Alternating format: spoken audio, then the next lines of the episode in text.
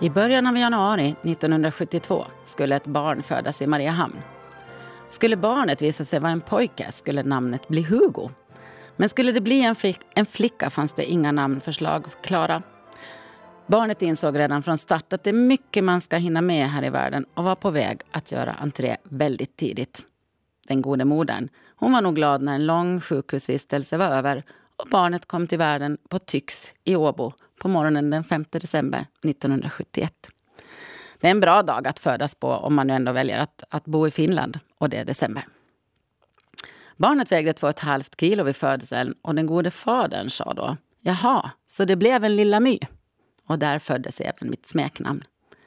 Med åren visade sig att barnet också humörmässigt hade vissa likheter med nämnda Muminfigur. Dopnamnet blev Lotta, Marika och pappa röstade hårt för Marika som tilltalsnamn. Det var så fint tyckte han. Själv har jag aldrig tyckt om det. Det är alldeles för hårt och har alldeles för många konsonanter. Och nej, jag är inte heller släkt med Sundqvist Buss.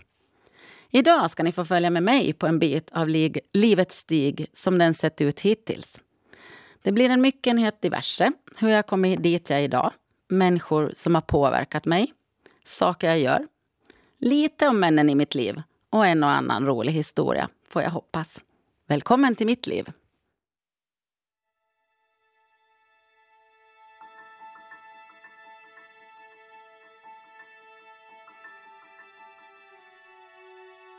This is not really me. Welcome to my life med Sunrise Avenue. Jag som sommarpratar idag heter alltså Mysan Sundqvist. Jag är född i Åbo, uppvuxen i Mariehamn, mestadels på Ringvägen och i Östernäs.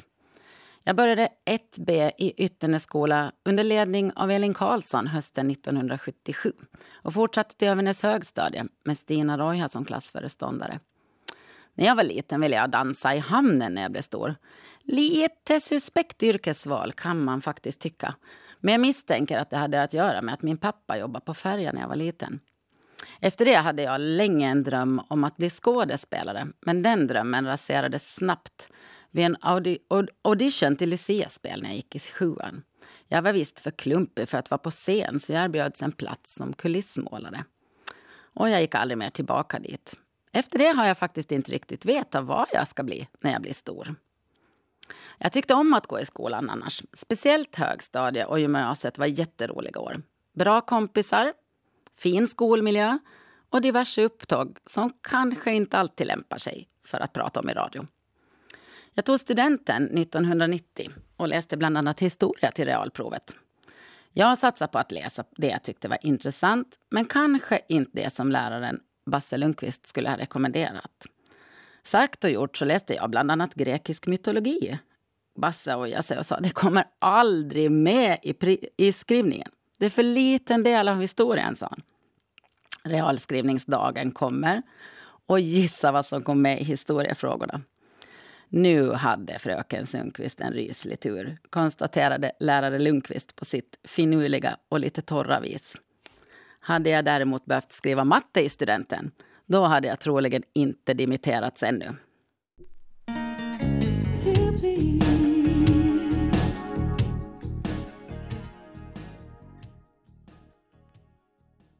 I maj 1990 låg Black Velvet med Alana Miles etta på Sverigetopplistan och livet lekte.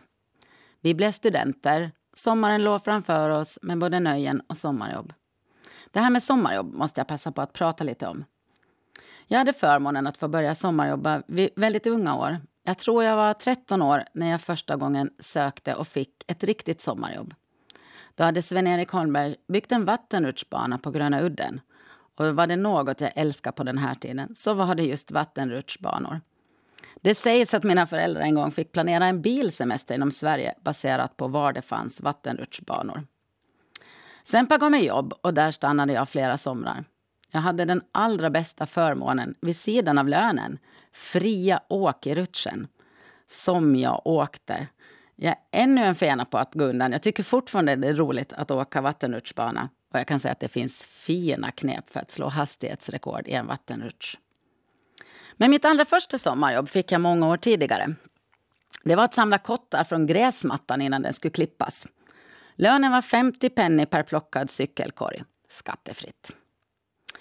Men några år senare såg jag ändå till att skaffa mig en löneförhöjning.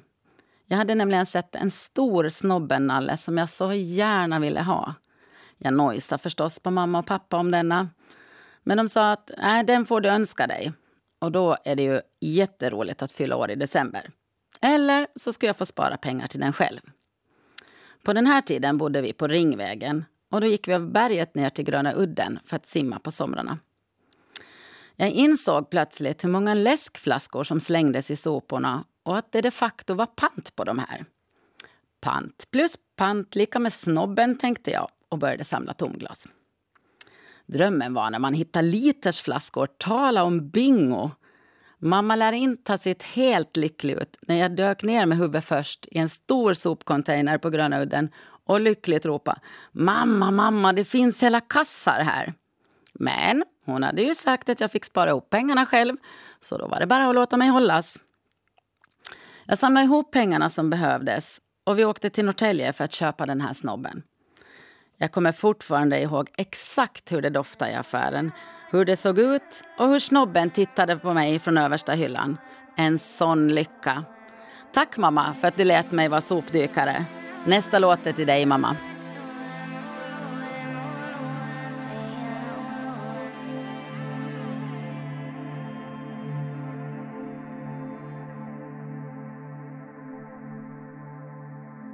Det var Love Last Forever med Mando Diao som du också kan lyssna på på torget den 26 juli. Du lyssnar på Sommarprat i Ålands Radio och jag som sommarpratar idag heter Mysan Sundqvist. Just nu pratar jag lite om sommarjobb. Sommaren 1990 började jag jobba på Ålands centralsjukhus som det hette på den tiden. Jag kom till skrivcentralen och blev läkarsekreterare och blev där under hela min studietid. Det var en fantastisk arbetsplats med väldigt mycket trygghet och humor. Nästan 30 år senare träffas det gamla sekreterargänget fortfarande några gånger om året. Jag önskar att alla ungdomar skulle få möjlighet att komma in i arbetslivet tidigt. Man behöver definitivt inte få heltidsjobb men det är viktigt att man får prova på och att någon ger dig chansen. Det är också viktigt att man från början blir bemött med respekt och trygghet. Alla har vi varit nya i arbetslivet någon gång och man måste få tillåtas göra fel och lära sig av det. I mitt nuvarande jobb med ungdomar hör jag till exempel alldeles för ofta om ungdomar som inte får svar på sina arbetsansökningar. Det är inte okej. Okay. Här är det vi vuxna som behöver skärpa oss. Ge de unga chansen. Ge dem schyssta arbetsvillkor. Troligen får vi vuxna också lära oss nya saker och få nya perspektiv på köpet. Men tillbaka till juni 1990. Jag är hemma och sommarjobbar, men mamma och pappa åker iväg på semester till Sverige. En dag efter jobbet ringer min morbror. Min morbror ringer nästan aldrig, så det är något som inte stämmer. Jag hör också på rösten att det definitivt är något som inte stämmer. Han frågar efter mamma, men de har ju åkt på semester och det här det är långt före mobiltelefonens tid. Det visar sig att min älskade morfar hade gått bort. Han hade valt att ta sitt liv. Jag var det enda barnbarnet på mammas sida och morfars flicka i alla väder. Morfar som satt i köket i Östernäs och rörde åttor i min mannagrynsgröt på studentdimissionen ett par veckor tidigare. Morfar som var så stolt och satt och pöste långt fram i salen på dimissionen. Morfar som på någon konstig vänster alltid såg till att det fanns småpengar i den lilla porslinsskålen med bötespengar för svordomar utan att svära.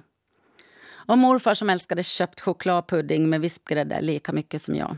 Eller låtsades i alla fall göra det. Jag som skulle börja plugga i Åbo till hösten och hänga hos morfar i Ekenäs ännu mera.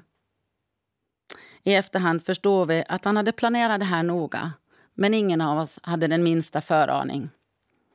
Morfar hade dåliga höfter och knän och skulle vara tvungen att genomgå en stor operation igen. Ingen kunde riktigt garantera hur bra han skulle bli i skick efter det här och morfar ville absolut inte bli sängliggande. Han lämnade inget brev, ingen förklaring men han var i övrigt frisk och pigg i både tanke och humör så jag vill tro att han ville fatta beslutet själv. Att inte vänta till efter operationen och se om han skulle bli OK eller om han skulle bli sängpatient som han var så rädd för. Du fattades mig så himla länge, Moffa. Och vi måste absolut våga prata om självmord och lyfta tabut från den här frågan. Fråga människor omkring dig hur de mår. Fråga och bry dig och fråga på riktigt.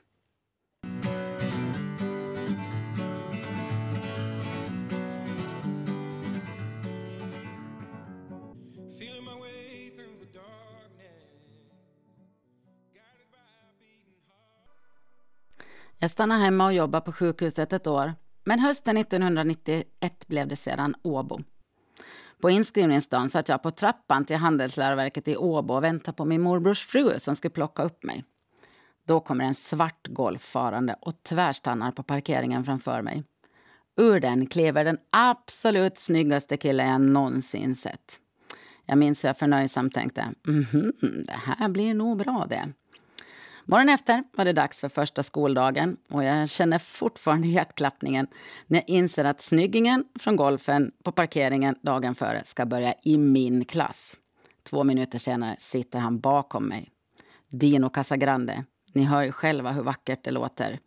Jag misstänker att det var där och då min förkärlek till Italien föddes. Violet, let me see you dance, babe.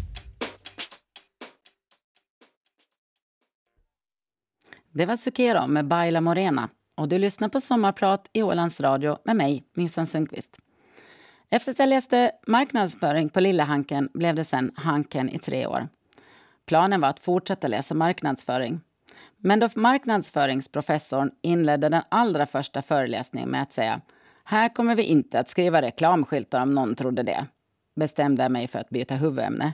Inte fasen hade väl någon trott att vi skulle skriva reklamskyltar på Hanken. Jag bytte till företagsadministration och det visade sig vara ett riktigt lyckokast.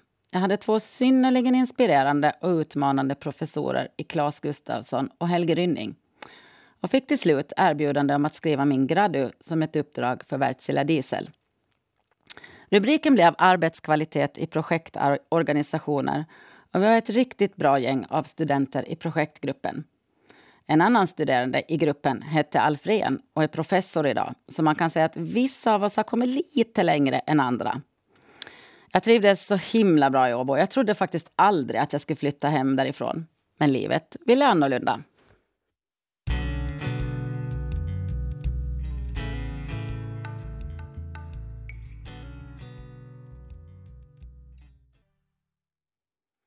Även om jag inte har öppnat min gradu många gånger efter att den blev klar har nog tiden i projektgruppen i Åbo påverkat mitt fortsatta arbetsliv i hög grad. Jag är och förblir en tro, troligen en projektmänniska. Jag tycker så himla mycket av projekt av alla de slag. Stora, små, på jobbet och privat. Det är tillfredsställande med en tydlig start, hårt jobb och ett tydligt slut. Att man utvärderar, lär sig av det arbete man har gjort och så är man redo att starta upp igen. Jag får ofta höra, är du här eller gör du det här också? Och nu ska jag avslöja en sak. Jag tycker inte alls om att höra detta. För vad ska jag egentligen svara? Japp, synbarligen är jag här också. Eller nej, nu ser du nog fel. Jag brukar svara att jag inte ser så mycket på tv. För det är ju så här. Det enda som är rättvist fördelat mellan alla människor är tiden.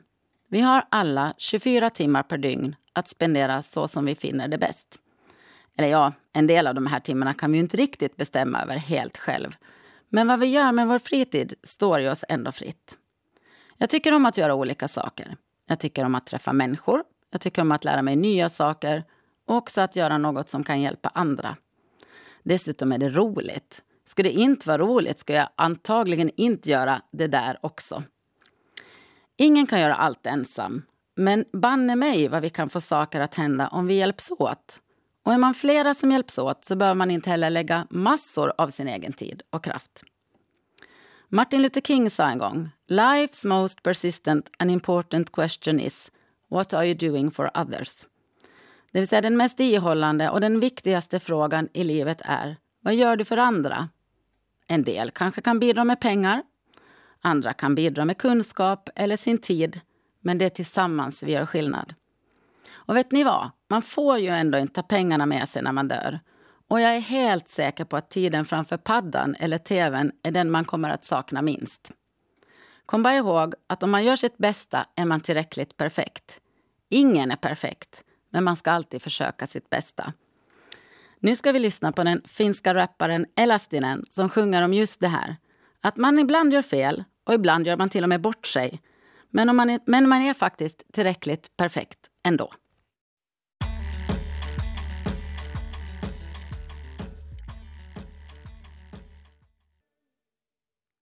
Med en ekonomi och magisterexamen i bagaget styrde jag hem till Åland i slutet av 90-talet. Jag började jobba på programcentralen på Visit Åland. Men ganska snart fick jag jobb som projektassistent på Skärgårdssmak. Det var oerhört roligt. Jag knöt många nya kontakter och fick nära vänner för livet. Bättre start på min riktiga yrkesbana kunde jag definitivt inte ha fått. Jag lärde mig så mycket de här åren, både positivt och negativt. Men det är lärdom jag inte hade velat vara utan. Men det var mycket jobb. Jag insåg att jag jobbade alldeles för mycket när EU-projektet Skärgårdssmak flera år senare skulle omvandlas till ett aktiebolag. Det var en stor och väldigt arbetsdryg process och jag jobbade för mycket. Min syster som Viktor kom cyklande förbi mig på kontoret en kväll och jag säger förvånat Men hej! Hur visste du att jag var här? Och får till svar Moster, du är alltid på jobb. I efterhand kan jag nog konstatera att, att vi skulle ha behövt lägga ner projektet innan den här processen tog vid. För att göra en lång historia kort släpade rekvisitionsutbetalningarna från landskapet betänkligt på den här tiden, som mest 18 månader. Och när projektet skulle slutredovisas drogs bland annat alla förseningsräntor och alla påminnelseavgifter bort som icke projektgodkända kostnader.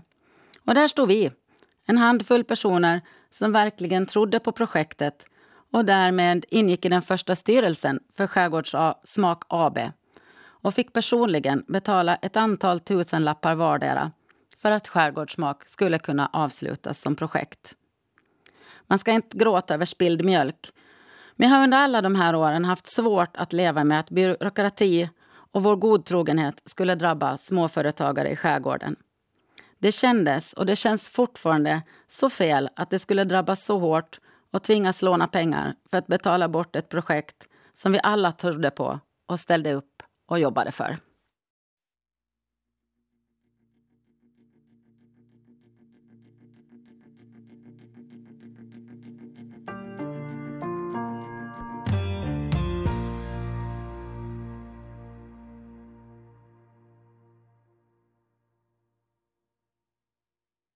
Det var Årsta brygga med det svenska bandet La Gitarristen i bandet heter Johan och han pryade på Ålands musikinstitut med Bertil Andersson när han gick på nian.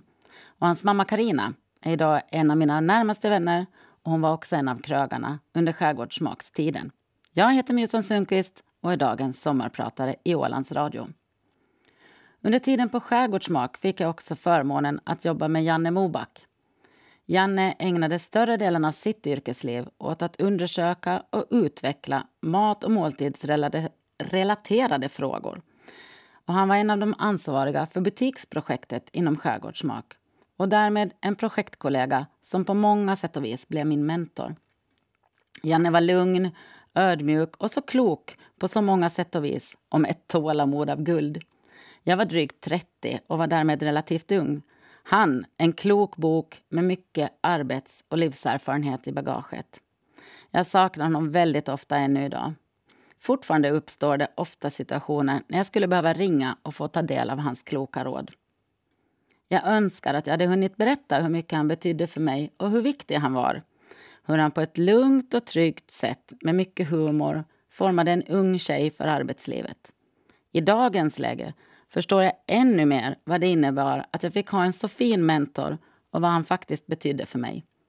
Utan Janne och hans stöttning i arbetslivet hade jag inte varit den jag är idag. Janne fick en snabbväxande cancer och gick bort på några veckor. Men jag hör fortfarande hans kluckande skratt och är helt säker på att han håller ett vakande öga över vad jag riktigt pysslar med på jobbet. Frågan om lokalproducerad mat ligger mig fortfarande väldigt varmt om hjärtat. Jag försöker leva som Max Gan alla dagar och jag rekommenderar att ni alla lyssnar på Viktor Eriksson som sommarpratar efter mig på måndag. Det är en kille med ett stort hjärta, mycket kunskap och ett stort engagemang för vår lokala matkultur.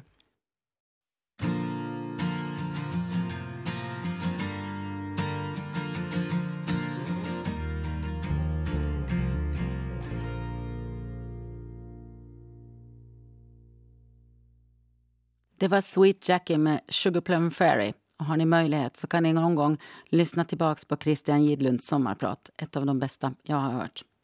Men jag pratar om projekt och nu tror jag det är dags att, det bry dags att bryta det allvarliga med en annan, lite rolig projektrelaterad anekdot. När Anders Wiklöf skulle fylla 60 blev jag tillfrågad om jag kunde tänka mig ett specialuppdrag under helgen när festligheterna skulle äga rum. Det här kan ju ses som ett projekt av lite mindre karaktär, eh, så jag sa ja utan att veta till vad. Uppdraget var nämligen lite hemligt. Det skulle visa sig att jag hade tackat ja till att vara Robin Gibbs privatchaufför under helgen.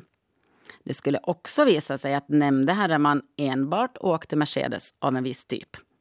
Ni som kan bilar kan säkert er C och S-klass, men eh, för mig var det här ett flygplan. Flygplanet och jag var ute och provkörde på stan och jag vågar lova att jag aldrig har fått så många blickar av en viss målgrupp och då herrar 55 plus. Min kompis Tove och jag parkerade flygplanet utanför IVA och då stod de på rad och tittade lystet på bilen. Nåväl, herr Gibb han ska anlända med flyg från London. Telefonen ringer. Herr Gibb är inte på flyget från London. Han har checkat in, men är inte ombord på flyget.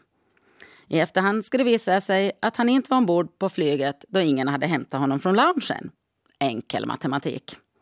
Nu uppstod ett visst pussel eftersom kalaset skulle gå av stapeln samma, samma kväll och karn måste ta sig till Åland. Herr Gibb sattes på ett flyg till Köpenhamn. Därifrån blev det privatplan till Åland. Herr Gibb meddelade då att han inte flyger annat än jetplan. Men nu fick han vackert åka propellerplan då det började bli lite brådis och det var det enda som stod till buds. På väg till Åland slog blixten ner i planet så det var en mycket tystlåten herr Gibb som jag och flygplanet till Mercedes hämtade upp på Mariehamn International Airport. Ja, just det. Bagaget, det åkte inte i vår bil. Det åkte i en egen Mercedes bakom oss. Nåväl, puh, på plats. Herr Gibb på, på scen, soundcheck gjord, middagen äten och vi ska tillbaka ut till Anders Udde för showen. Ni kanske kommer ihåg vädret som rådde den här kvällen. Det öste ner regn. Det var mörkt och alla gäster färdades med buss till Andersudde. När herr Gibb och jag skulle åka från Andersudde försäkrade jag mig om att vi inte kommer att möta någon buss på vägen. Som kändes väldigt rysligt liten när man färdas i ett flygplan. Nej, nej, nej, det är lugnt, sa trafikvakten. Ni är ensamma på vägen. Bra, sa jag och startade upp. Vi hinner väl ungefär halvvägs så står vi lykta mot lykta med en stor buss. Jag inser att bussen inte kan backa. Det ska jag göra. Med flygplanet, i ösregnet och mörkret. Trots en relativt god uppfostran så undslipper jag mig ett fucking shit, passligt nog på engelska. Inser vad jag just precis har sagt och ska börja urskuldra mig när jag hör ett You're quite right my dear från passagerarsätet. Och vips så vevar herr Gibb ner bilrutan, sticker ut huvudet i regnet och hjälper mig att styra. A little bit to the right, a little bit to the left darling. Och sen var vi kompisar. Jag kan avslöja att hans favoritmat var pasta och gröna Pringles. Jag ska dock låta det vara osagt om de här rätterna avnjöts tillsammans. Nu måste vi förstås höra lite Bee Gees och det blir Stayin' Alive.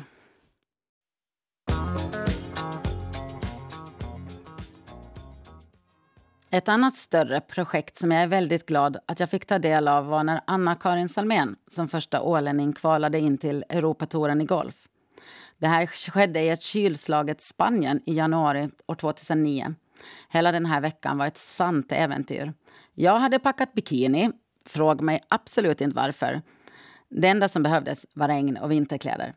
La Manga, där vi var, var mestadels stängt och vi höll hårt på de rutiner som vi skapade under veckan. Vi köpte Filippinos kex och Linds chokladkaniner på specialpris på den lokala supermarketen. Vi hade ett element på jul i lägenheten och det rullades in i Anna-Karins rum till kvällen. Proffset måste ju absolut hålla värmen. De sista tre hålen, den sista kvalrundan den veckan, är något jag kommer att komma ihåg så länge jag lever. Den mentala styrka som krävdes för att sätta de sista puttarna går inte att beskriva. Jag ser fortfarande Anna-Karin framför mig. När hon flyttar fötterna på ett speciellt sätt, då visste man. Nu är hon redo och den här putten, den sätter hon. Jag måste erkänna att jag inte vågade se putten hon satte på, de på det näst sista hålet. Det var en putt i sidled på en grin som verkar sluta åt alla håll. Dessutom var den så där irriterande lång. Jag såg när hon ställde in fötterna. Jag slöt ögonen och väntade. Ljudet av bollen som går i hål var sann lycka. Efter kvalet var hon snäll och lät mig följa med på flera Europatourtävlingar. Jag kan ju inte påstå att det var på grund av mina caddy-talanger gällande klubbval och längder jag fick följa med. Men jag var en jäkel på att dela ut bananer med jämna mellanrum. Jag lovar också att jag var den enda caddien som var djupt imponerad över att jag fick gå på en bajamaja efter storspelaren Laura Davis när vi var i Skottland. Jag har sagt det förut och jag säger det igen. Hade Anna-Karin fått en större finansiell stöttning från flera sponsorer så hade hon kunnat gå hur långt som helst. Maken till pannben har jag aldrig skådat. Tack för att du lät mig följa med på din makalösa resa, Anna-Karin. Det är ett minne jag vårdar ömt. Den här låten är till dig.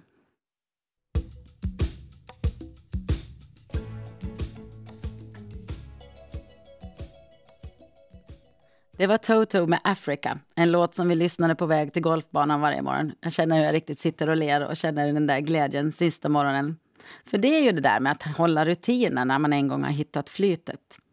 När man har hittat flytet och speciellt när man jobbar hårt är det viktigt att hålla balansen och till det har jag en medfödd superkraft.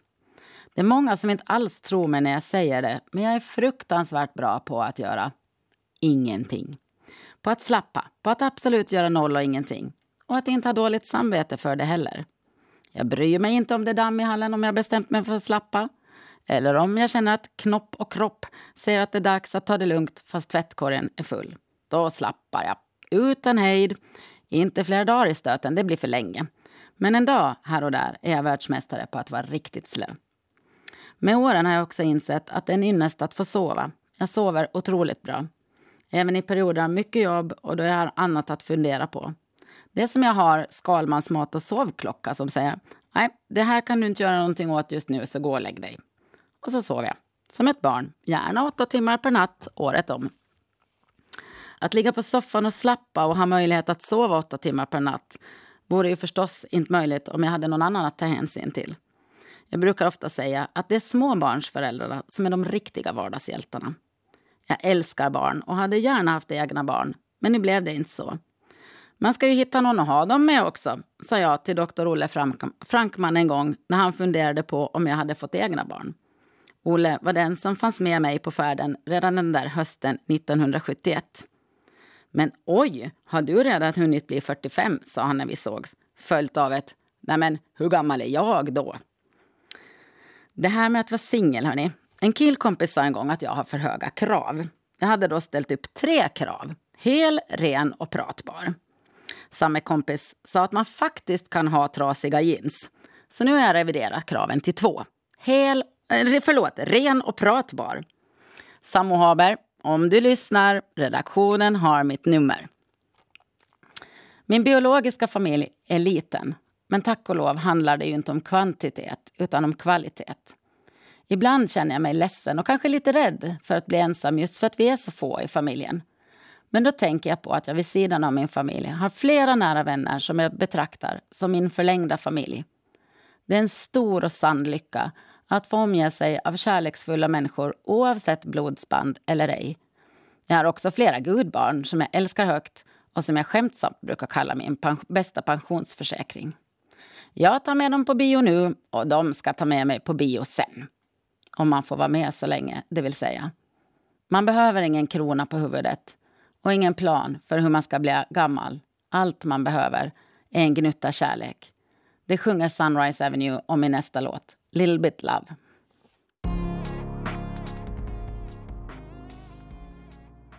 Du har två liv och det andra börjar när du inser att du bara har ett.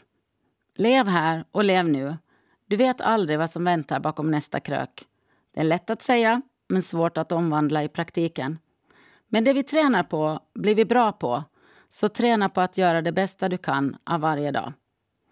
Från min pappas sida har vi dåliga, dåliga gener för hjärt och kärlsjuka.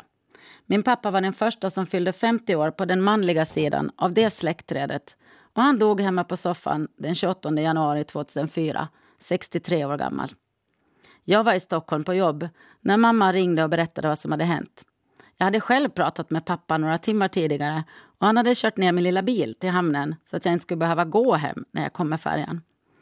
Mamma hade kommit hem från jobbet och hittat stekpannan på spisen med, med biffarna framlagda bredvid.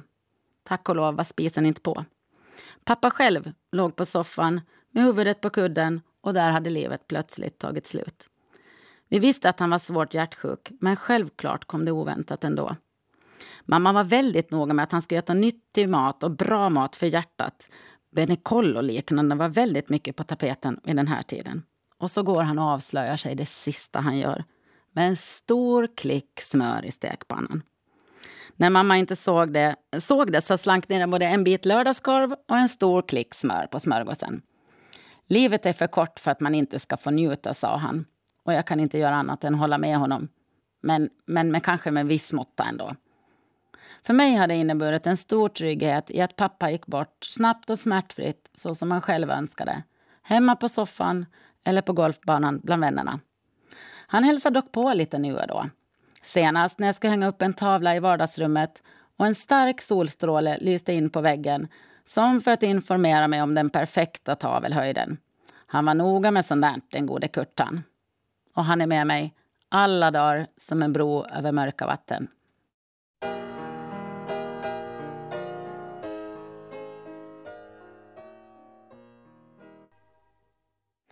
De sista åren innan pappa dog engagerade han sig politiskt.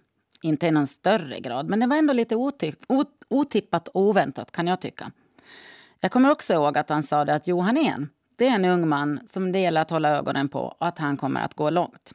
Och nu ska jag knyta ihop mitt sommarprat med att återkoppla till just Johan igen. Det är tack vare, eller kanske på grund av, honom jag sitter här idag. Att sommarprata har nämligen inte funnits i min tankevärld tidigare. Jag har tackat nej flera gånger då, detta ett, då det här är rejält utanför min bekvämlighetszon. Först och främst för att jag tycker att det är ett svårt uppdrag. Vem i herrans namn skulle vara intresserad av vad jag har att säga? Men kanske framför allt för att jag ändå har komplex för min röst. Jag har en hög och bärande stämma som kommer sig av att jag egentligen ligger i fel röstläge. När jag sliter mycket på rösten har jag riktigt ont i stämbanden och vill helst vara tyst, hur otroligt det än kan låta. Jag har alltid fått höra att jag hörs och därför tycker jag inte om att höras. Där jag blir extra medveten om att jag hörs. Men Johan En har lovat att komma med mig på spinning om jag sommarpratar. Och vad gör man inte för att få upp honom på en cykel? Jo, man sommarpratar. Dessutom jobbar jag i en verksamhet där mina kloka kollegor dagligen pratar om vikten av att våga utmana sig. Det har jag gjort idag. Jag som har sommarpratat idag heter Mysen Sundqvist och jobbar till vardags som verksamhetsledare för Ung Resurs. Till Seb, en av mina gamla ungdomar, vill jag säga The devil did it. Och till Johan igen säga vi ses på cykeln i höst. Ja, till alla andra önskar jag en lång och härlig sommar, för nu har jag sagt mitt.